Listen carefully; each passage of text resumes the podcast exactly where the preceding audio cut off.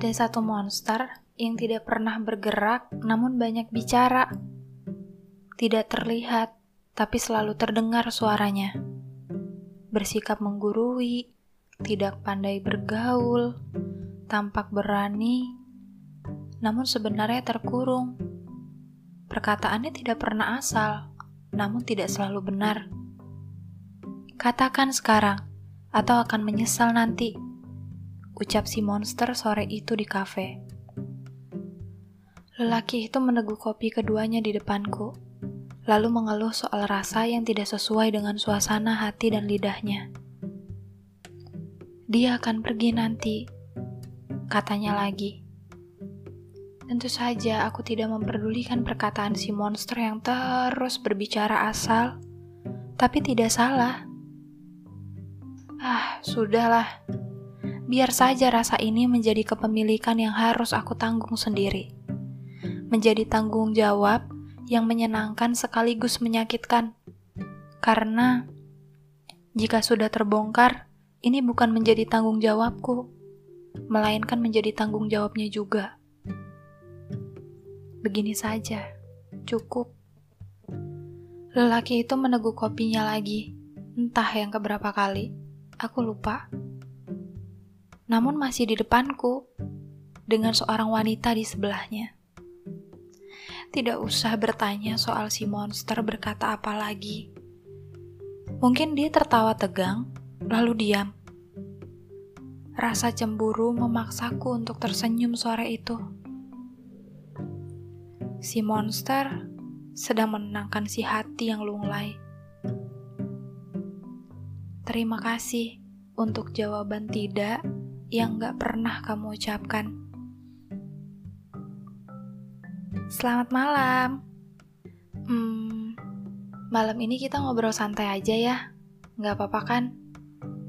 Sebenarnya malam ini aku gak akan bahas ini, karena emang udah siapin naskah lain. Tapi ada hal random yang terjadi di beberapa hari ke belakang, jadi aku pikir kayaknya aku mau bahas soal ini deh. Soal yang masih aku gak tahu apa namanya.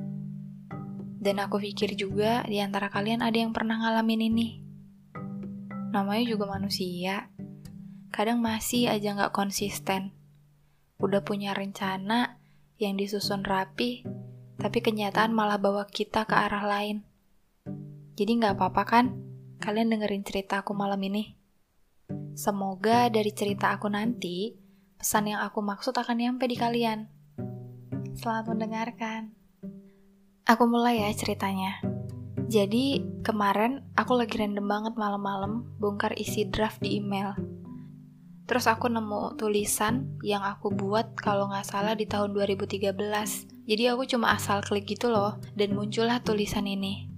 Tapi nggak sempat aku baca sampai akhir, aku cuma baca judulnya aja. Karena aku keburu ngantuk.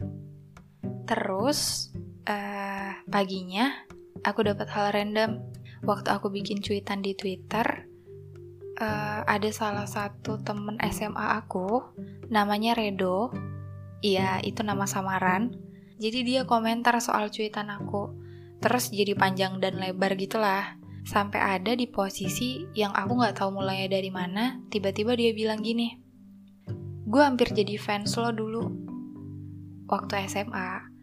Serius. Tapi gue profesional sih Lo cuma gue jadiin klien. Gue jualan kebahagiaan. Kalau nggak diproin, pasti hilang jasanya. Timbal baliknya kan gue dapat silaturahmi sampai sekarang. Hari itu gue masih bengong bego gitu. Iya karena dulu zaman SMA, Redo ini orang yang paling ngocol. Udah gitu jahil banget. Jadi dulu kalau nggak salah deketnya itu gara-gara kita satu ekskul musikalisasi puisi.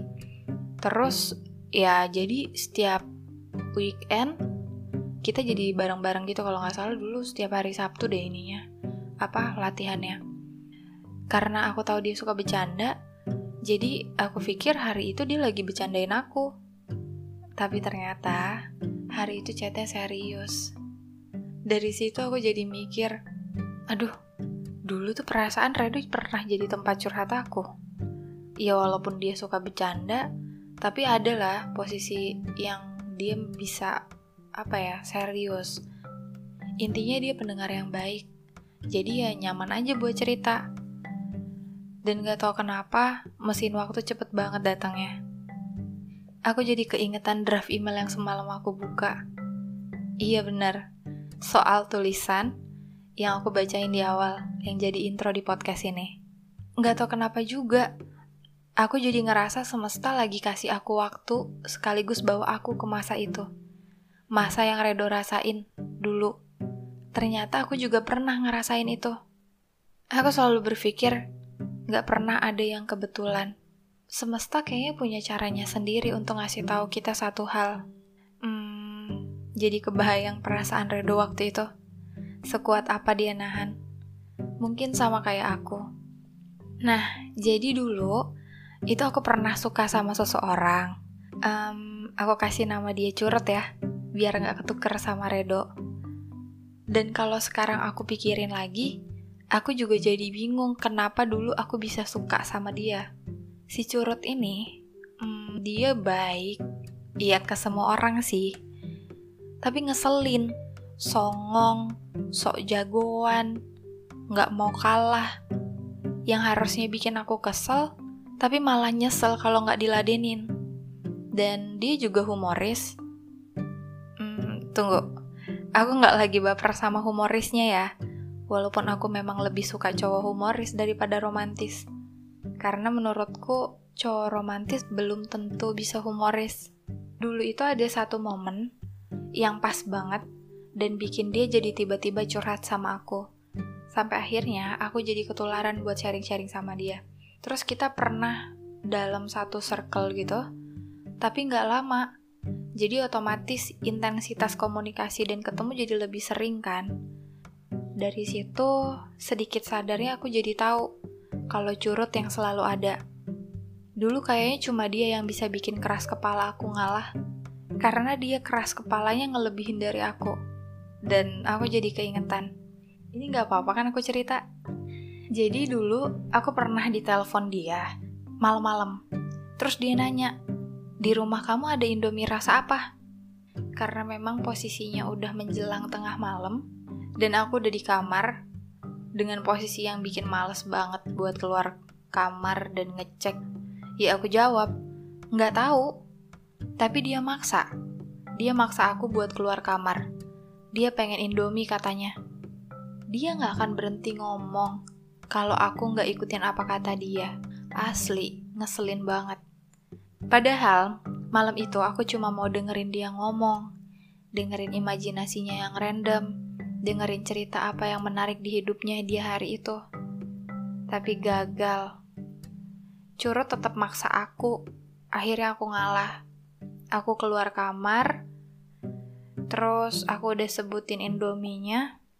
Malam itu, setelah aku nyebutin rasa Indomie apa yang ada di rumah, aku harus masakin Indominya dong.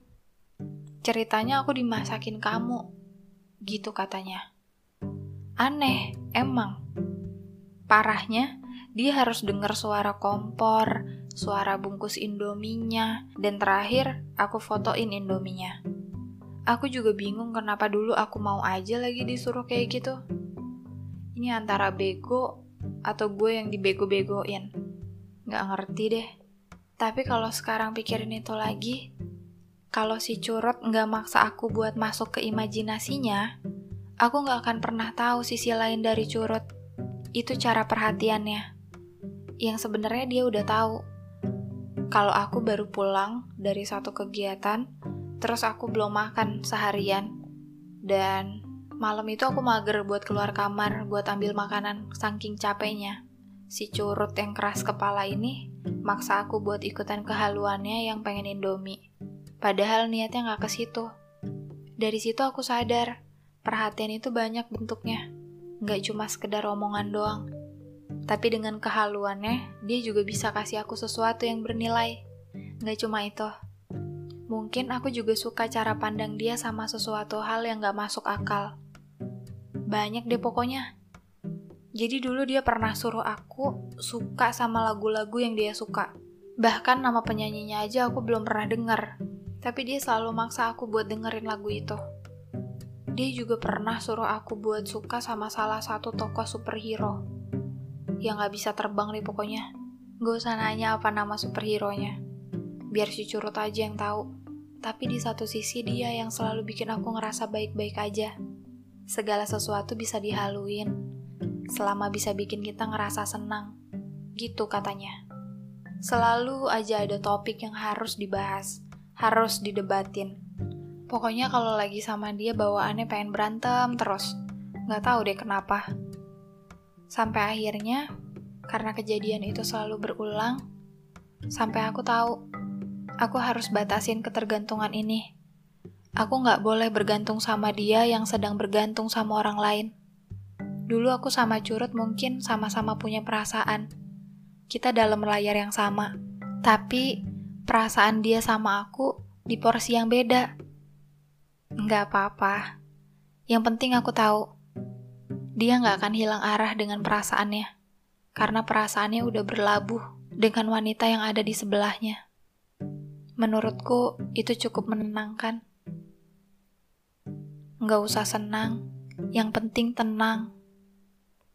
Jadi, kamu nggak usah tanya endingnya kayak apa. Dari tulisan yang aku bacain di intro tadi, Pasti kalian udah tahu endingnya seperti apa. Dan benar kata Redo, kalau nggak diproin, pasti hilang jasanya. Jasa aku sebagai orang yang ladenin kehaluannya. Aku jadi tahu saat itu Redo sekuat apa nahan. Cemburu yang dipaksa tersenyum. Karena kita bukan bagian dari ceritanya. Semesta cuma kasih kita takdir untuk ada dia di cerita kita ya ada benernya juga. Kalau waktu itu Redo dan aku sama-sama bilang soal perasaan, mungkin hari ini akan ada awkward moment yang gak ngenakin. Saling ngejauh, demi masa lalu yang dikira sudah hilang, namun tidak benar-benar hilang. Intinya dari cerita ini, gak ada yang salah dan benar. Aku mungkin salah gak ngungkapin, Redo juga.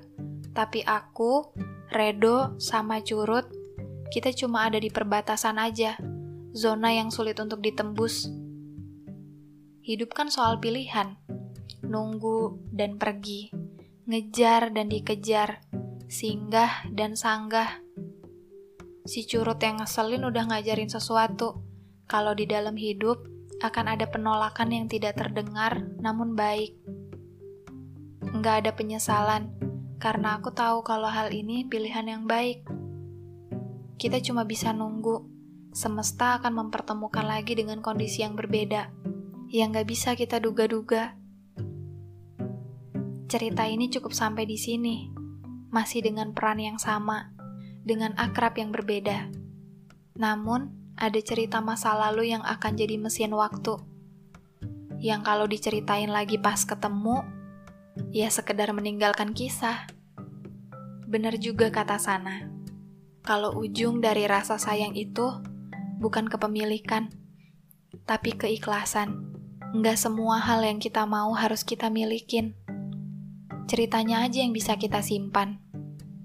Selamat malam. Semoga harimu menyenangkan.